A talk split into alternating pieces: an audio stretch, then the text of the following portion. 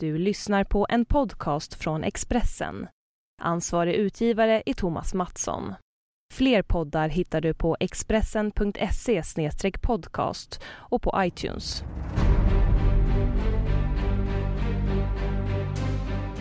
Biskoparna fördes fram först. De halshuggs med svärd. Kristian Tyrann, den danske kungen, hade just krönts och hämnden på dem som kämpat för Sveriges frihet blev grym. Från Stortorget flöt blodet längs kullerstensgatorna i Gamla stan i Stockholm. Cirka hundra svenskar avrättades i det värsta blodbadet i Nordens historia. En ung adelsman hade hunnit sätta sig i säkerhet. Hans namn var Gustav Eriksson och vid hans sida tog bönder från Dalarna och Småland upp striden mot danskarnas förtryck. Gustav Vasa blev hans namn och han skapade det Sverige vi har idag.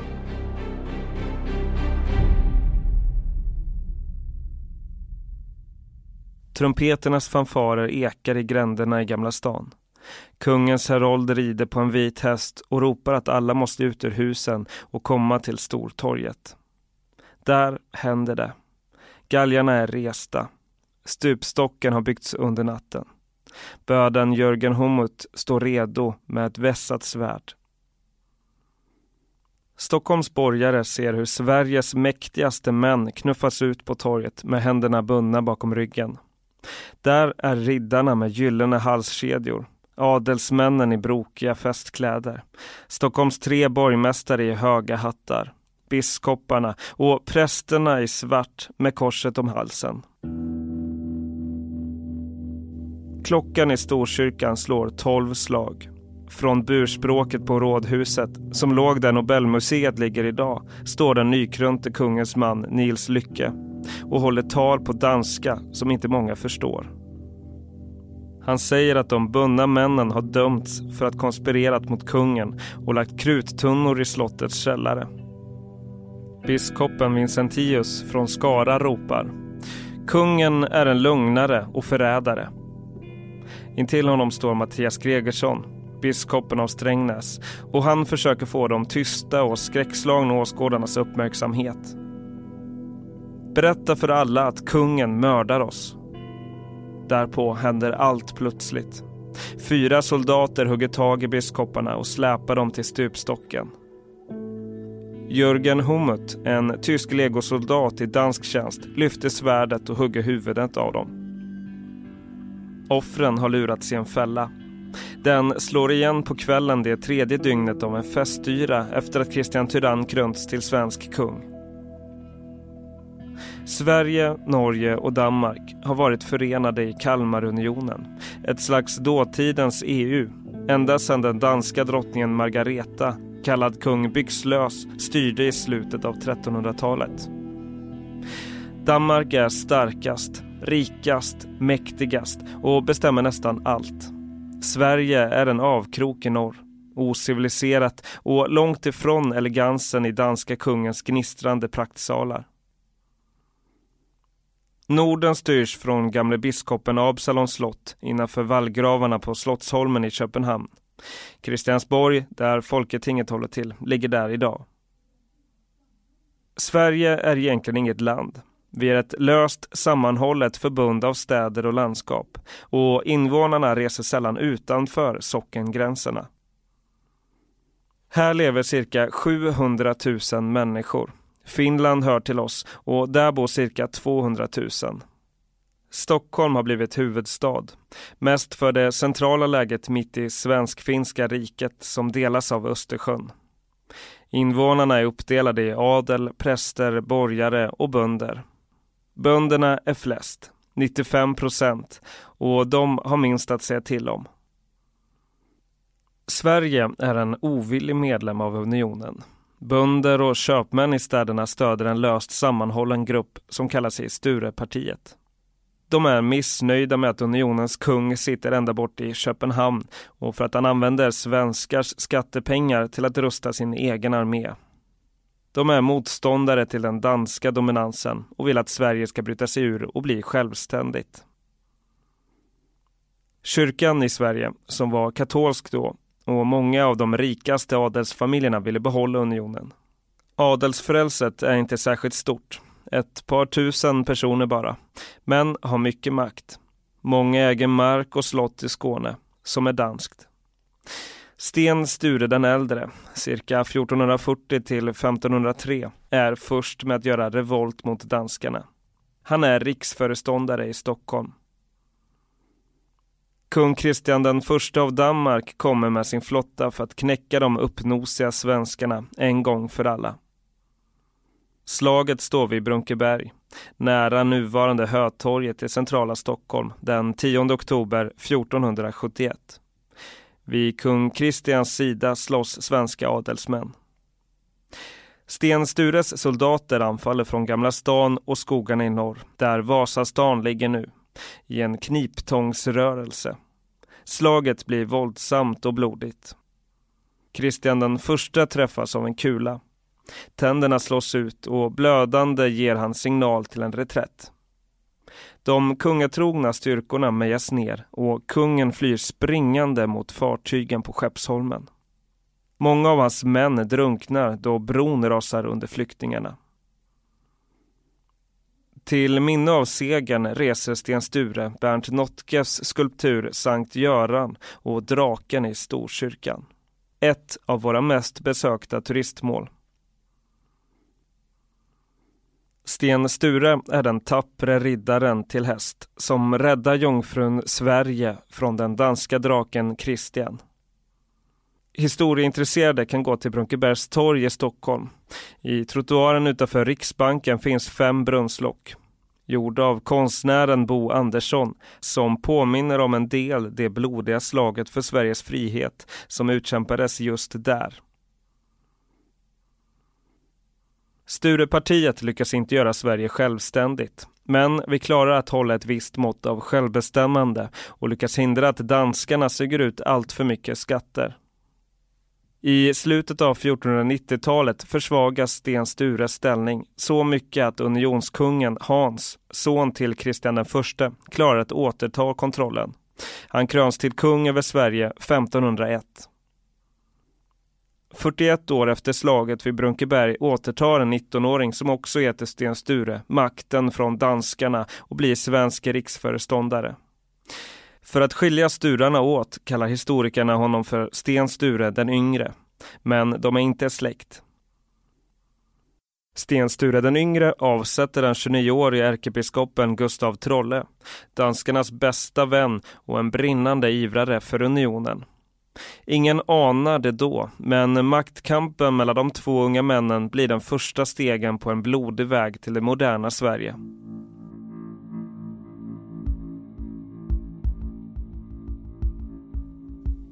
Den katolska kyrkan är en mäktig maktspelare på den tiden och väldigt rik. Kyrkan äger en fjärdedel av odlad mark och våra väldiga skogar. Gustav Trolle har varit hos påven Leo den tionde i Rom och 1515 blivit utnämnd till Uppsalas ärkebiskop. Påven ger även Trolle rätt att ha en egen krigsmakt med 400 krigare till häst. Soldaterna utrustas med avlatsbrev, den påvliga befrielsen från straff för brott och synd så länge de lever.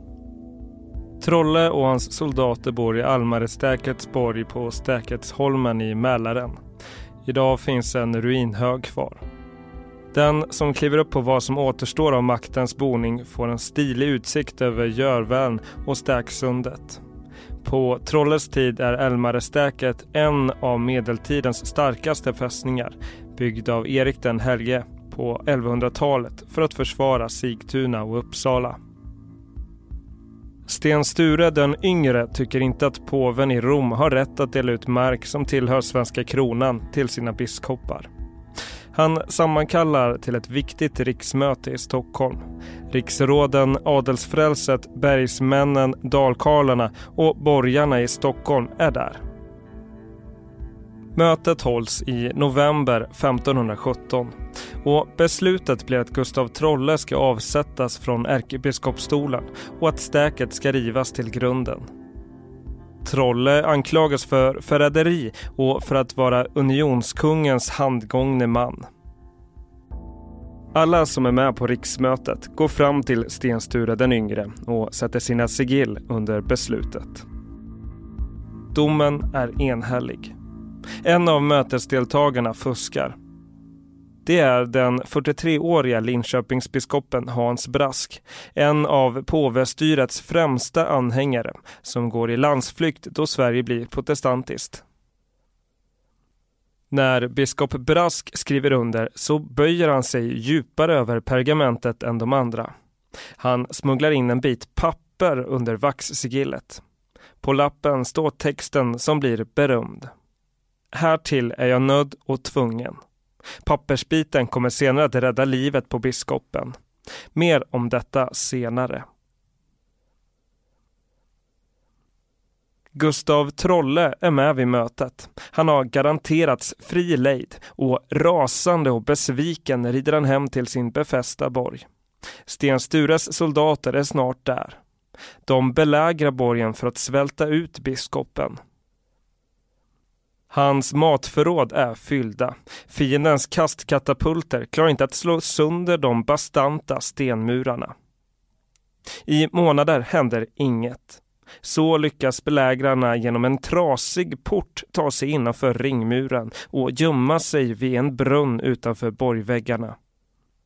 Skolelever i förra seklet fick lära sig Werner von Hedenstams målande beskrivning av hur borgen intogs. Nästa morgon firas en vattenspann ner i brunnen. En av de instängda klättrar då in i spannet och följer med upp. Den gamla väktaren som vevar muttrar över att det går ovanligt tungt. Förvånad upptäcker han den genomvåte Sturemannen. Då gubben hatar sin husbonde hjälper han nu till att hissa upp alla de övriga. Så kan Sten Stures män inta stäket.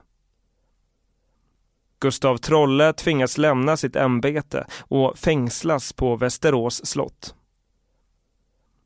Sten Sture den yngre har på kort tid blivit en mäktig riksföreståndare. Nu rustar danskarna för krig igen. Den här gången är det den 38-åriga Kristian den andre som kommer att hämnas sin farfars snöpliga förlust i slaget vid Brunkeberg. Vid nyårstid 1520 kommer Kristian med en stor armé till Halland. Under unionsfanan finns 6 000 danska ryttare och en främlingslegion med värvade råskinn från Pommern, Sachsen, Frankrike, Skottland och Brandenburg. Många av legoknektarna är fångar som släppts i utbyte mot trohetsed till kungen. För Kristian II är invasionen ett heligt krig. Den danske ärkebiskopen i Lund har bannlyst Sten Sture och hans anhängare efter att Gustav Trolle störtats. Armén är den mest välutrustade som krigat på svensk mark. Ryttarna har bröstharnesk, pikar, svärd, muskötter och det finns ett fältartilleri med kanoner som dras av hästar. Danskarna går in i Västergötland längs Ättran och en mindre här marscherar genom Småland i riktning Östergötland. Det avgörande slaget står på sjön Åsundens is nära nuvarande Ulricehamn den 19 januari 1520. Krigslyckan sviker den svenska riksföreståndaren. Slaget slutar med seger för unionstruppernas fältherre Otto Krumpen. Sten Sture den yngre blir svårt skadad då en kanonkula träffar hans ben. Riksföreståndaren dör i februari när han på släde förs på Mälarens is mot Sigtuna. Han blir 27 år.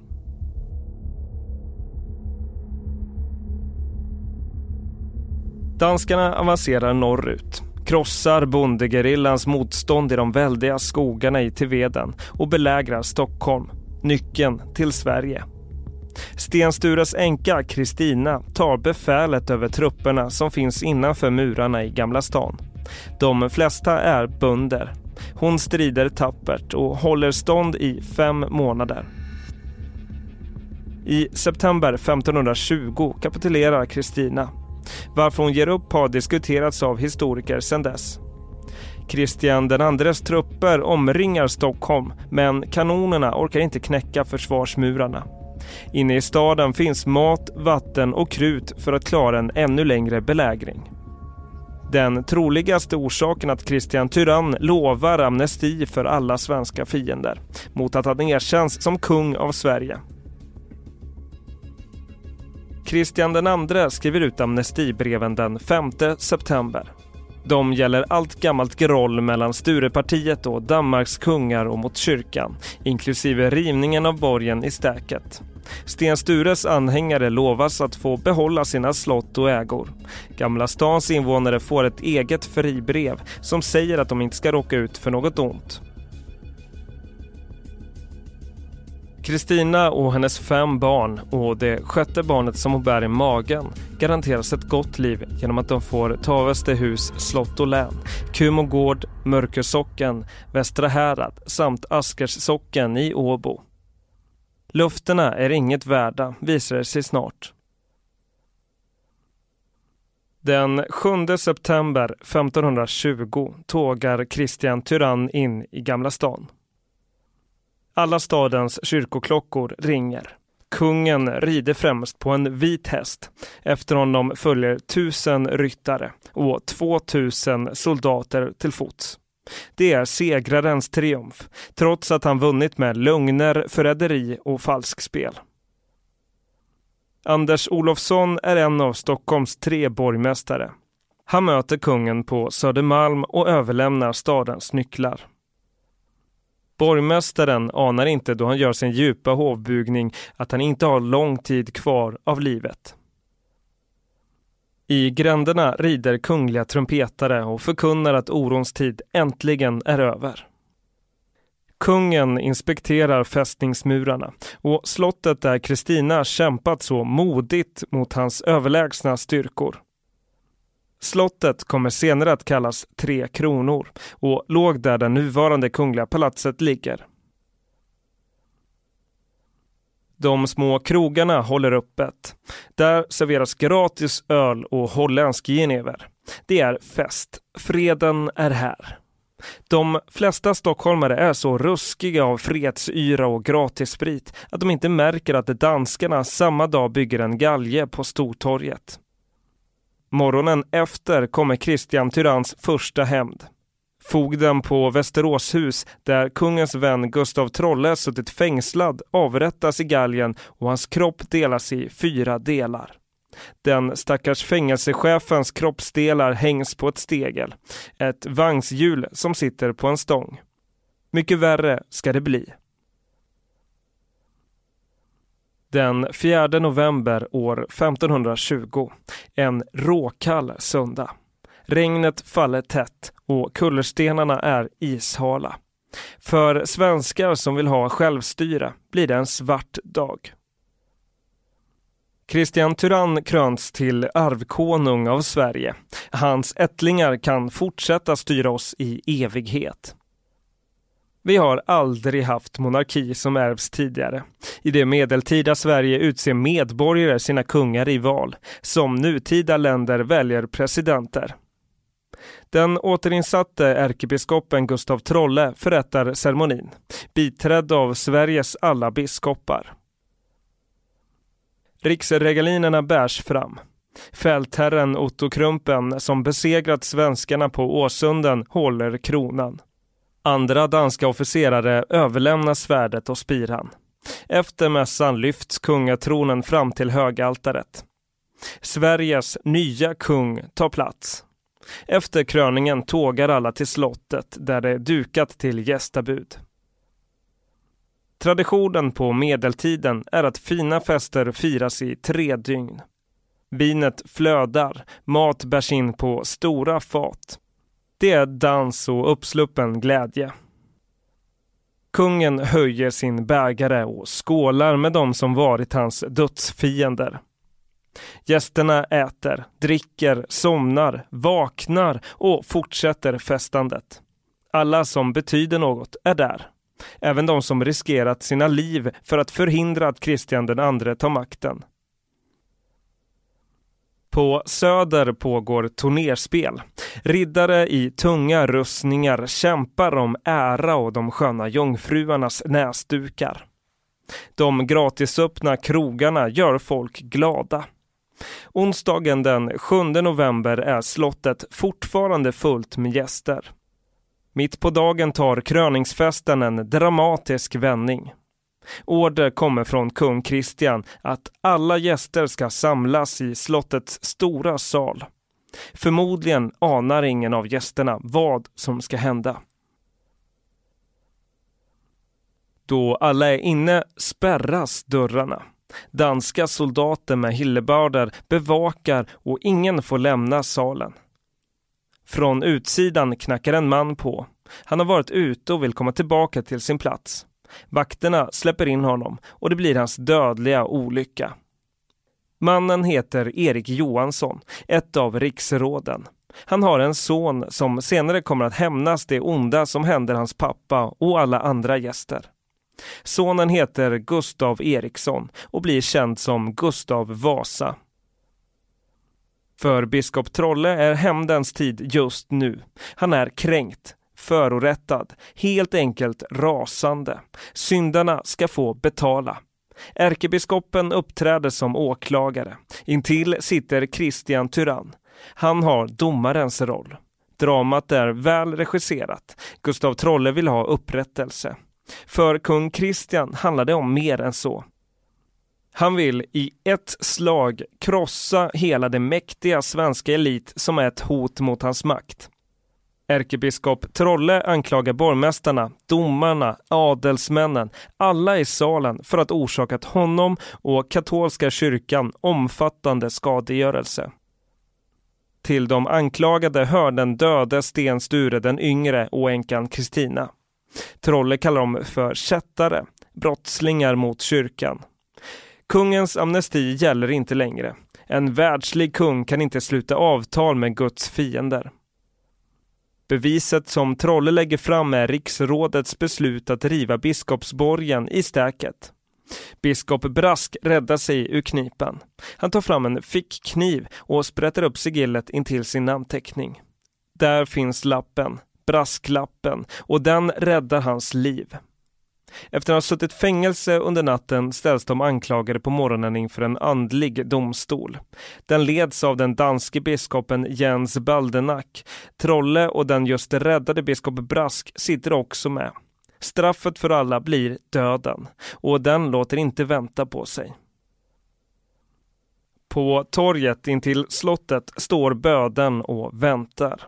Invånarna i Gamla stan har av soldater kommenderats ut från sina hem och vet ännu inte att den svenska historiens grövsta politiska mord ska utspelas inför deras ögon.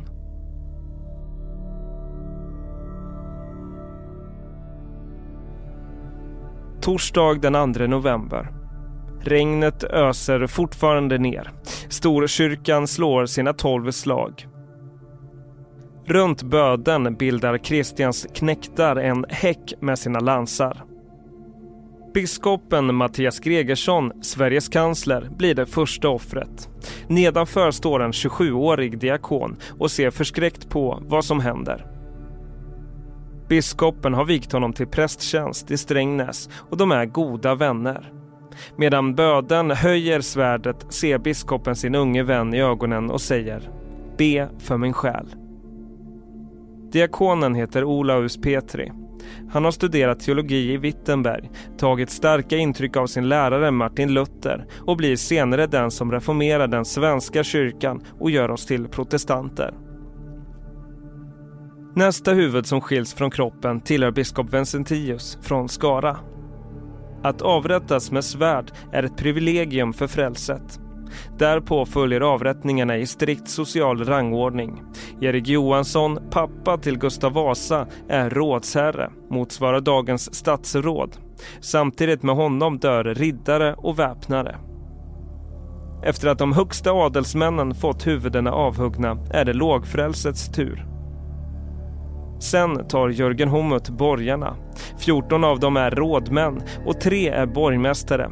Bland dem Anders Olofsson som lämnat Stockholms nyckel till Christian Tyrann. De avrättas med yxa och det är en ännu grymmare och plågsammare avrättningsmetod än svärdshugget. Böden har ofta svårt att träffa rätt.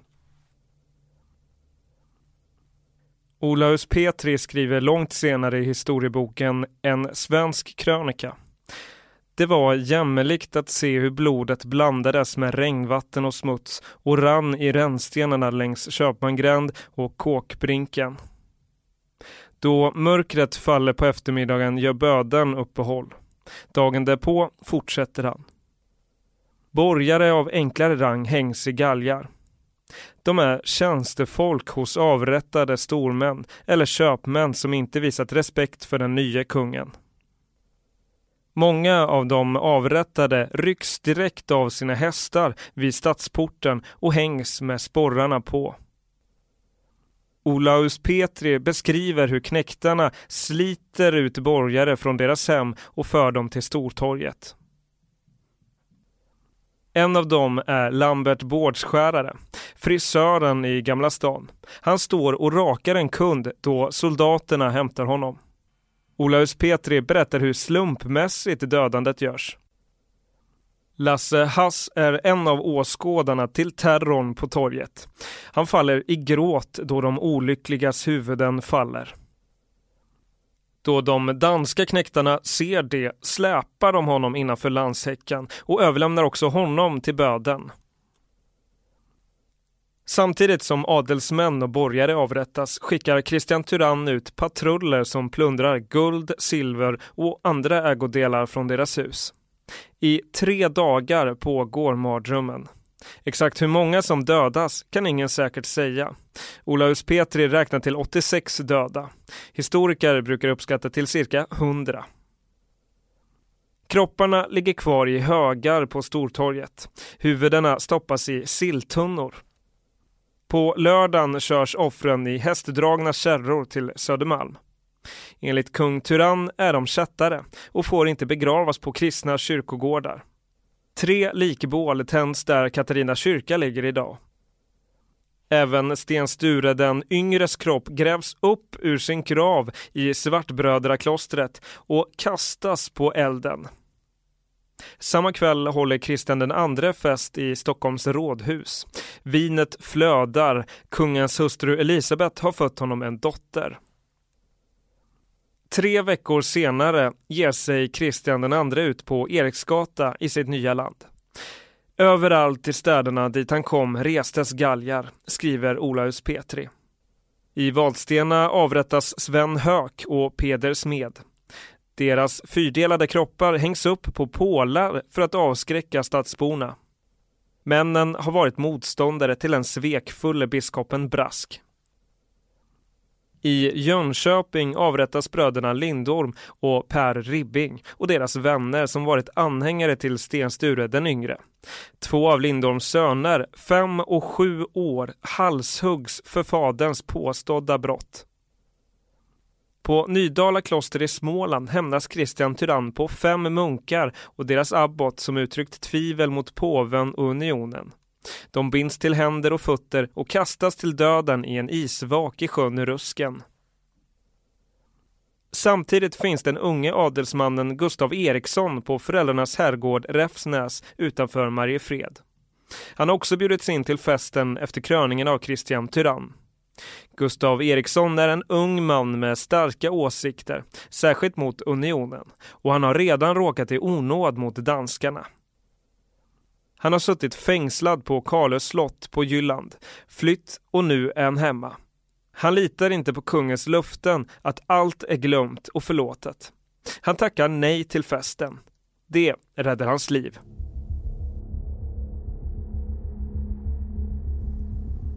Gustav Eriksson har förlorat allt. Hans pappa är avrättad, liksom hans svåger Joakim Brahe, två morbröder och flera andra släktingar. Hans mamma, mormor och tre systrar sitter fängslade. Släktens gods och gårdar har tagits av danskarna. Fogdarna är på väg till Rafsnäs. Vasaättens gamla kungsgård ska också dras in till kronan. Kristian Tyrann lovar riklig belöning för de som griper Gustav Eriksson, död eller levande. Han är 24 år, har varken pengar eller gods, är jagad och ensam. Gustav Eriksson flyr till Dalarna. För att inte bli igenkänd klär han sig som en bonde. Bönderna och bergsfolket i Dalarna är kända för att vara hårdnackade och självständiga motståndare till orättvisor. De fogar sig inte gärna efter fogdars och kungars beslut. Deras ilska beror inte på Stockholms blodbad. Bönderna på landet upprörs inte av att adelsmän och borgare i det avlägsna Stockholm blivit halshuggna eller hängda. De rasar över de nya skatter som Kristian Tyrann inför och över förbudet över allmogen att bära vapen. Knäktarna är Gustav Eriksson i Hälarna.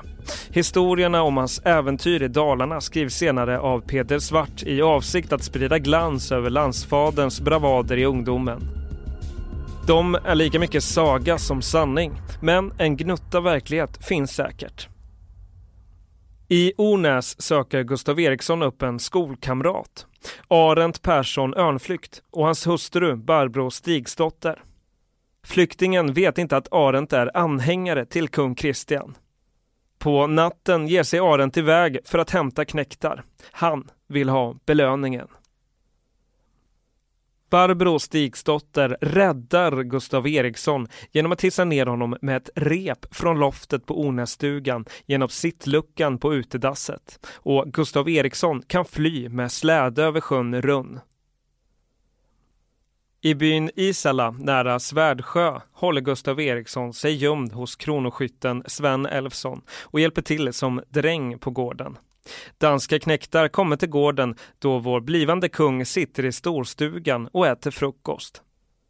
Kronoskyttens hustru finner på råd. Han daskar honom i baken med brödspaden och säger här ska du inte sitta och titta på främmande. Packa dig ut i ladan och fortsätt med tröskningen. Danskarna kunde förstås inte tänka sig att en bondkvinna kan behandla en herreman så. De rider vidare. En annan gång vid byn Marnäs vid Linghed gör Gustav Eriksson en farofylld resa gömd i ett hölass. Knäktarna har fått tips att den jagade finns i trakten. Utanför byn finns en vägspärr. Danskarna sticker sina spjut i hölasset. Gustav Eriksson får ett stick i benet, men upptäcks inte. Bonden som kör ser efter en stund att det droppar blod ner i den vita snön. Han finner på råd och skär sin häst i bakbenet. Knäktarna upptäcker blodspåren. De jagar ikapp och stoppar ekipaget. Bonden kan visa hästens skada och de nöjer sig. Den gången är det riktigt nära.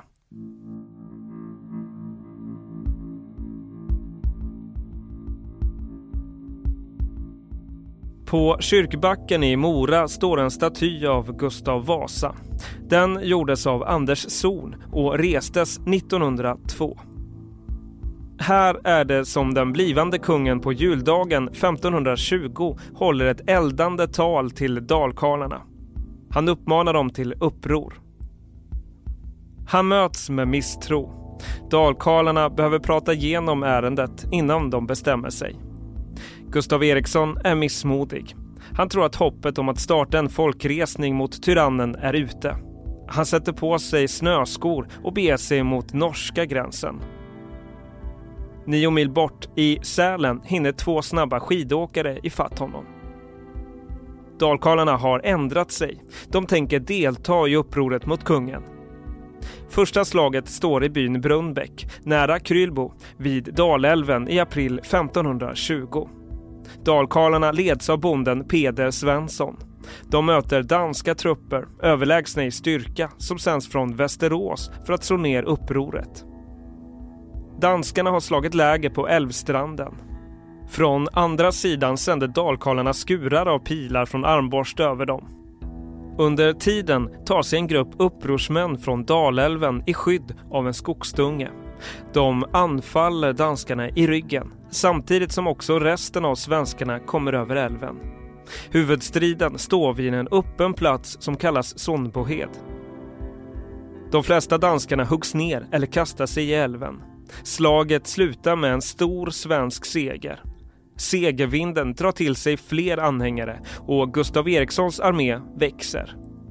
Det är gerillakrig snabba anfall mot befästa städer och borgar, smygande attacker mot tungt bevakade transporter som kommer med livsmedel och krut till kung Tyrans fästningar. Snart sprids oroligheterna som en löpeld över de svenska landskapen. Gustav Eriksson lyckas samordna och överta ledningen över alla upproren.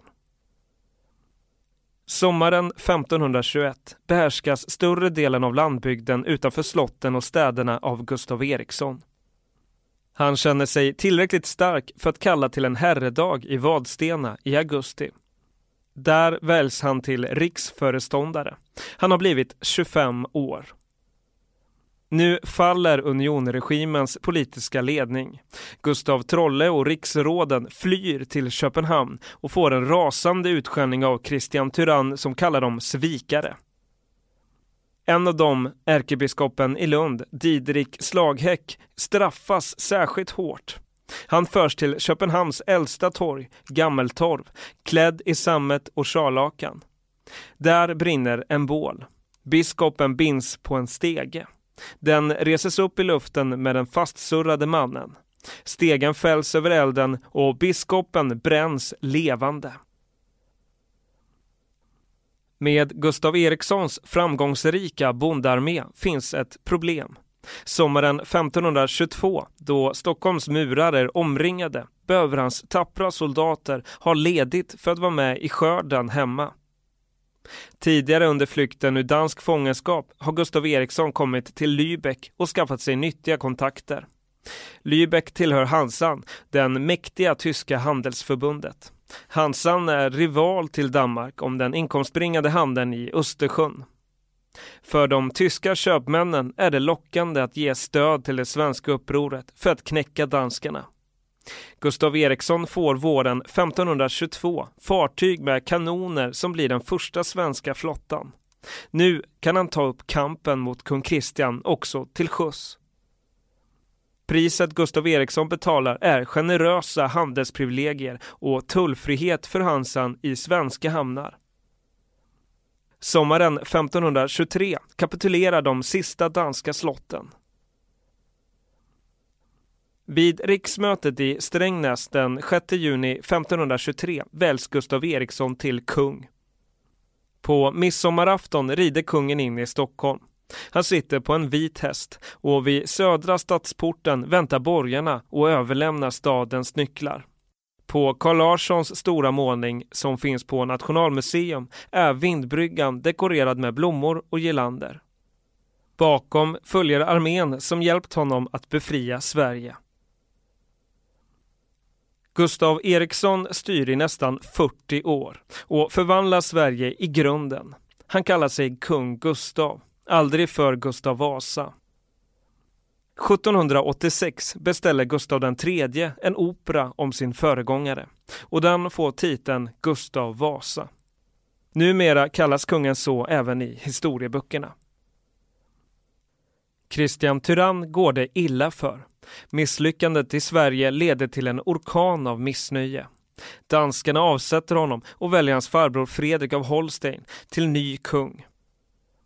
Kung Tyrann tillbringar sina sista år som fånge på Karlenborgs slott på Själlands västkust. Olaus Petri hjälper kung Gustav att driva igenom reformationen av kyrkan. De har olika avsikter. Gustav Vasas är krast ekonomiska, att förbättra statens usla ekonomi. Han stänger kloster, konfiskerar katolska kyrkans gods och skogar och lägger beslag på kyrksilvret. Olaus Petri sprider Martin Luthers lära och blir den första svenska präst som bryter med katolicismens krav på celibat då han gifter sig 1525. Med tiden försämras kyrkomannen och kungens relation. Gustav Vasa anklagar Olaus Petri för förräderi efter en kritisk artikel och prästen döms till döden. Han benådas men tvingas betala höga böter.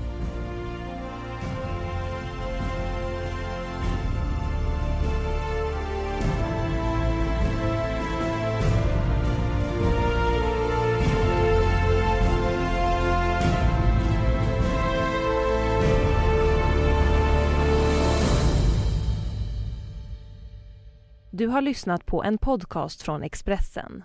Ansvarig utgivare är Thomas Mattsson. Fler poddar hittar du på expressen.se podcast och på iTunes.